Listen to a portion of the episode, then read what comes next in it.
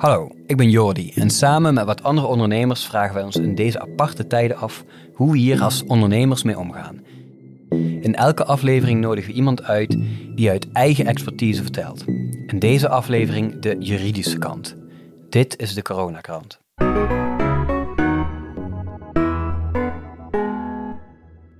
Welkom Gerk, uh, Gerk Oberman, uh, bij ons in de studio. Uh, zou je jezelf misschien even willen voorstellen? Ja, zeker. ik ben woonachtig hier in de stad, Den Bosch. En ik heb mijn eenmanskantoor in Eindhoven op Strijp S. Ik hou me voornamelijk bezig met arbeidsrecht. Maar toeval wil dat ik eigenlijk aanstaande woensdag, dat is vanaf vandaag geteld morgen, zou ik een lezing geven over ZZP'ers. Dus wat dat betreft zit ik in het onderwerp van zelfstandigen. Ja, super. Nou, heel erg fijn dat je hier bij ons in de studie aanwezig kan zijn. En um, ik ben eigenlijk benieuwd, hoe heb jij de afgelopen dagen en het weekend uh, ervaren? Ja, voor mij zou het uh, de afgelopen zondag feest zijn, omdat mijn dochter 14 uh, is geworden. Maar dat feestje ging dus niet door vanwege alle maatregelen die zijn genomen. En um, er zijn ook een aantal maatregelen genomen, uh, met name ook voor het eh, MKB en ook voor de ZZP'ers. En hoe kijk je daar tegenaan? Wat je ziet is dat uh, het MKB, dat daar eigenlijk al een belangrijke regeling voor bestond, die nu in grote aantallen wordt toegepast. Namelijk de regeling van, met betrekking tot werktijdverkorting. Eh, dat uh, sites van het UWV hebben al plat gelegen, heb ik begrepen. Inmiddels wordt er met man en macht gewerkt om dat weer, weer op gang te krijgen. Maar je ziet dat daar dus eigenlijk al een regeling voor is, die specifiek voor crisissituaties is. Daarnaast zijn er voor MKB's, voor de MKB-bedrijven, zijn andere maatregelen getroffen. Uh, en worden nog andere maatregelen getroffen, onder andere het makkelijker maken om kredieten te krijgen, waar nu zeker behoefte aan is. Um, en ook uh, het uh, contacten met de belasting. Dat de belasting niet nu met allerlei aanslagen komt ehm, in tijden waar MKB het toch al moeilijk heeft.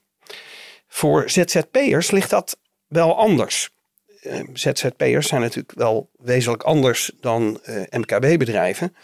En voor ZZP'ers is eigenlijk nou, één regeling op dit moment. En dat is het uh, besluit bijstandsverlening zelfstandigen. En dat is het enige waarop men kan terugvallen. Nou is men van plan om dat te gaan verruimen. Dat zal ook zeker wel gebeuren. Maar uiteindelijk is dat meer een doekje voor het bloeden. En eh, de, de, de grote problemen waar ZZP'ers zich nu voor worden gesteld die zijn daarmee niet opgelost. Hmm, dus eigenlijk, eigenlijk hoor ik jou zeggen, voor, uh, voor het MKB zijn al veel bestaande regelingen en ook nieuwe regelingen worden uh, toegepast. Maar voor het ZZP is dat een heel ander verhaal. Er is één bestaande regeling, BBZ noem ik je noemen. En eigenlijk nog relatief weinig andere nieuwe interventies die, als ik het even zo mag interpreteren, wel nodig zijn. Ik, uh, één ding, ik wil niet gezegd hebben dat het voor het MKB makkelijk is. Want het is voor iedere ondernemer is het heel erg moeilijk. Maar voor het MKB zijn er wel al pasklare oplossingen. En er zijn ook nog extra maatregelen genomen. En dat is voor ZZP'ers niet. Uh, dat betekent dat ZZP'ers eigenlijk volledig op, op zichzelf zijn aangewezen. En op hun eigen financiële reserve. En die zullen ze in deze tijd moeten aanspreken. Als daar al sprake van is als ze die reserve al hebben. Hmm. Ja, want minister uh, Wiebes die heeft uh, onlangs een aantal uitspraken eigenlijk hier ook over gedaan. Hè? Hij heeft gezegd, uh, de ZZP'ers hebben zelf gezegd dat ze geen vast dienstverband willen. Dus um, dat ze ook zelf bewust dit risico hebben genomen. Hoe kijk jij hier tegenaan? Wiebes is behoorlijk aangevallen op deze uitspraken en dat snap ik heel goed als je kijkt, dat als je enerzijds zegt hij, eh, ZZP'ers kiezen bewust voor het ondernemerschap, daar heeft hij wel een punt. Maar een risico zoals dat nu ontstaan is als gevolg van het coronavirus en de maatregelen van de overheid, dat neemt geen enkele ondernemer. Ook het MKB niet. Dus als je dat logisch zou door, denken, dan zou Wiebes moeten zeggen tegen de rest van zijn uh, collega's, tegen zijn collega's in het kabinet. Nou, joh, uh, coronavirus, dat is gewoon ondernemersrisico, dus doe ook maar niks voor MKB'ers. Dus die redenering is niet logisch. Niemand neemt bewust het risico dat er een coronavirus ontstaat en dat deze gevolgen daarvan zijn. Ja, het is eigenlijk een hele uitzonderlijke situatie waar je als normaal, uh, normaal gesproken als ondernemer niet van uitgaat uh, dat precies, dit gaat gebeuren. Precies. Ja. Wat me ook wel uh, steekt, is dat Wiebes ervan uitgaat dat elke ZZP'er een vrijwillige ZZP'er is. Inmiddels is wel duidelijk dat dat niet het geval is. Er zijn talloze uh, werkzaam in de dienstverlening of, als, uh, of anderszins als ZZP'er, die eigenlijk gewoon geen andere optie hebben. Bijvoorbeeld omdat hun voormalig werkgever hun heeft gezegd van ja, wij gaan alleen maar verder met elkaar als jij je, als, als ZZP'er aanbiedt. Hmm. Oké, dankjewel. En welke uitdagingen zie jij de aankomende tijd wat betreft de positie van MKB'ers en ZZP'ers? En dan met name wat betreft het niet uh, doorgaan van opdrachten. Dus daardoor is er een verlies van inkomen. En hoe, uh, hoe kunnen ze daarmee omgaan? Heb je daar ideeën over? Ja, voor een MKB is het nu zaak om zoveel mogelijk in de vaste kosten te snijden. Dat is voor een belangrijk deel hun personeel. daarvoor bieden de, de, regelingen bieden daarvoor aanknopingspunten om dat ook daadwerkelijk door te zetten. Um, voor ZZP'ers um, ja, geldt in zekere zin ook. Um, je moet stil blijven zitten als je geschoren wordt. maar dat maakt het allemaal natuurlijk niet makkelijk. Want ja, je moet maar eh, de mogelijkheid hebben om de tijd door te komen.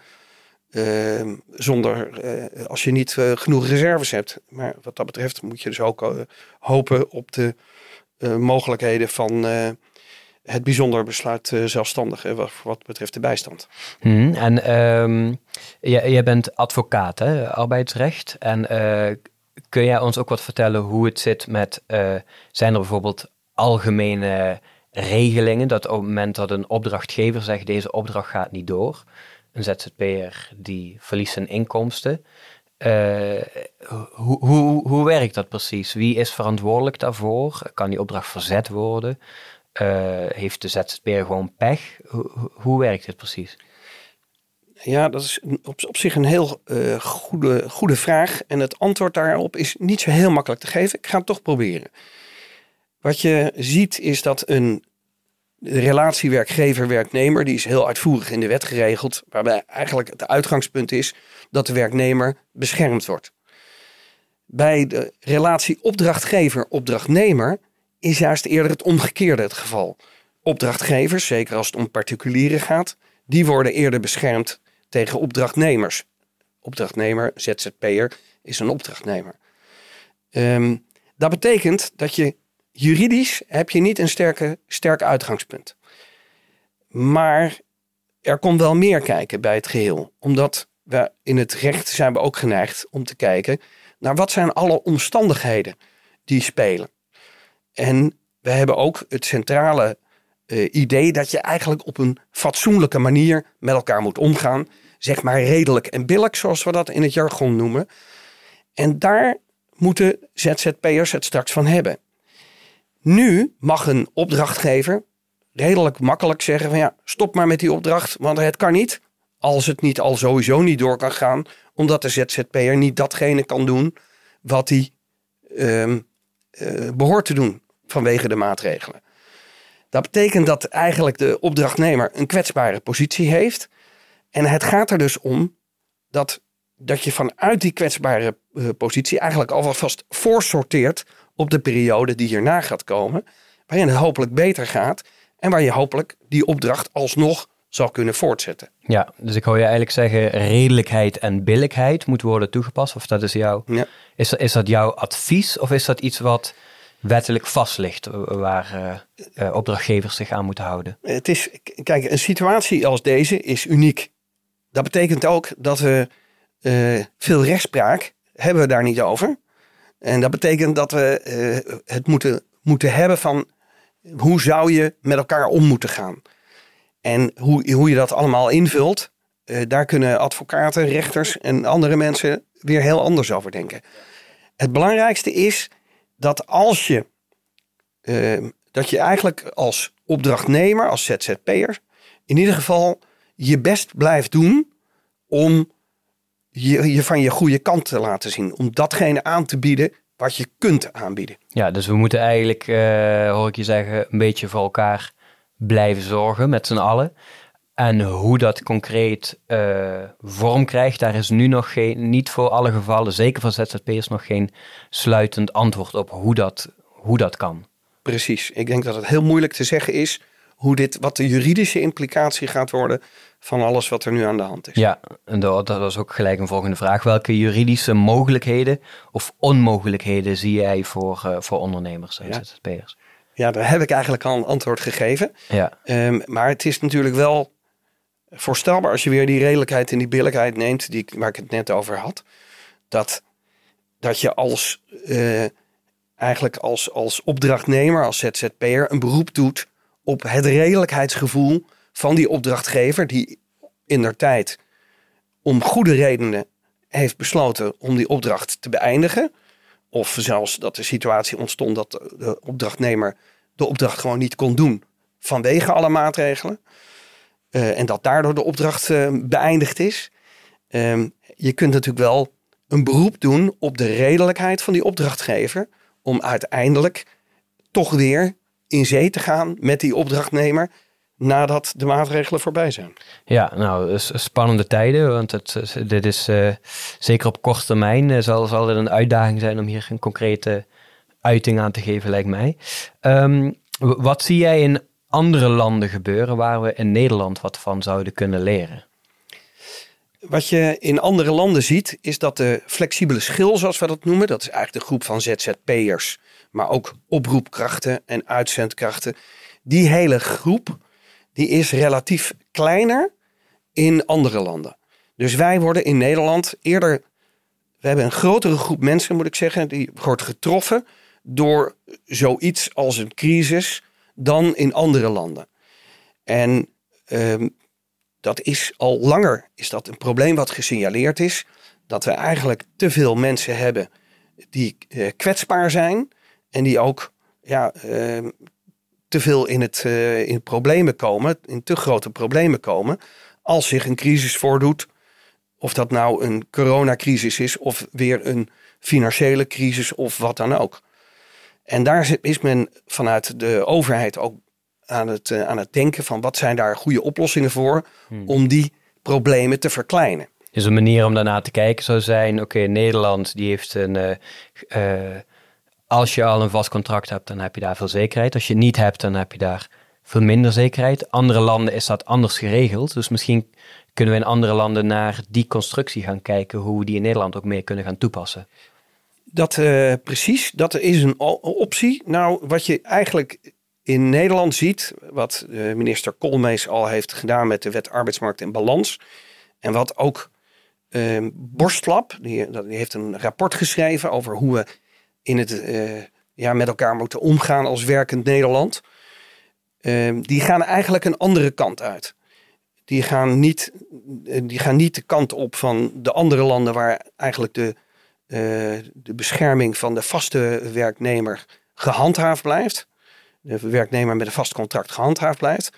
Maar die gaan meer de, er naartoe dat een aantal maatregelen worden getroffen voor bijvoorbeeld ZZP'ers, waardoor ze verplicht verzekerd zijn voor arbeidsongeschiktheid. Dat was onlangs nog het nieuws. Werkgevers en werknemers zijn het daar al over eens. Um, maar ook allerlei regelingen waardoor eigenlijk uh, het ZZP-schap minder aantrekkelijk wordt gemaakt. Zoals bijvoorbeeld het afschaffen, dat is een voorstel van die commissie Borstlap, van uh, de zelfstandige aftrek.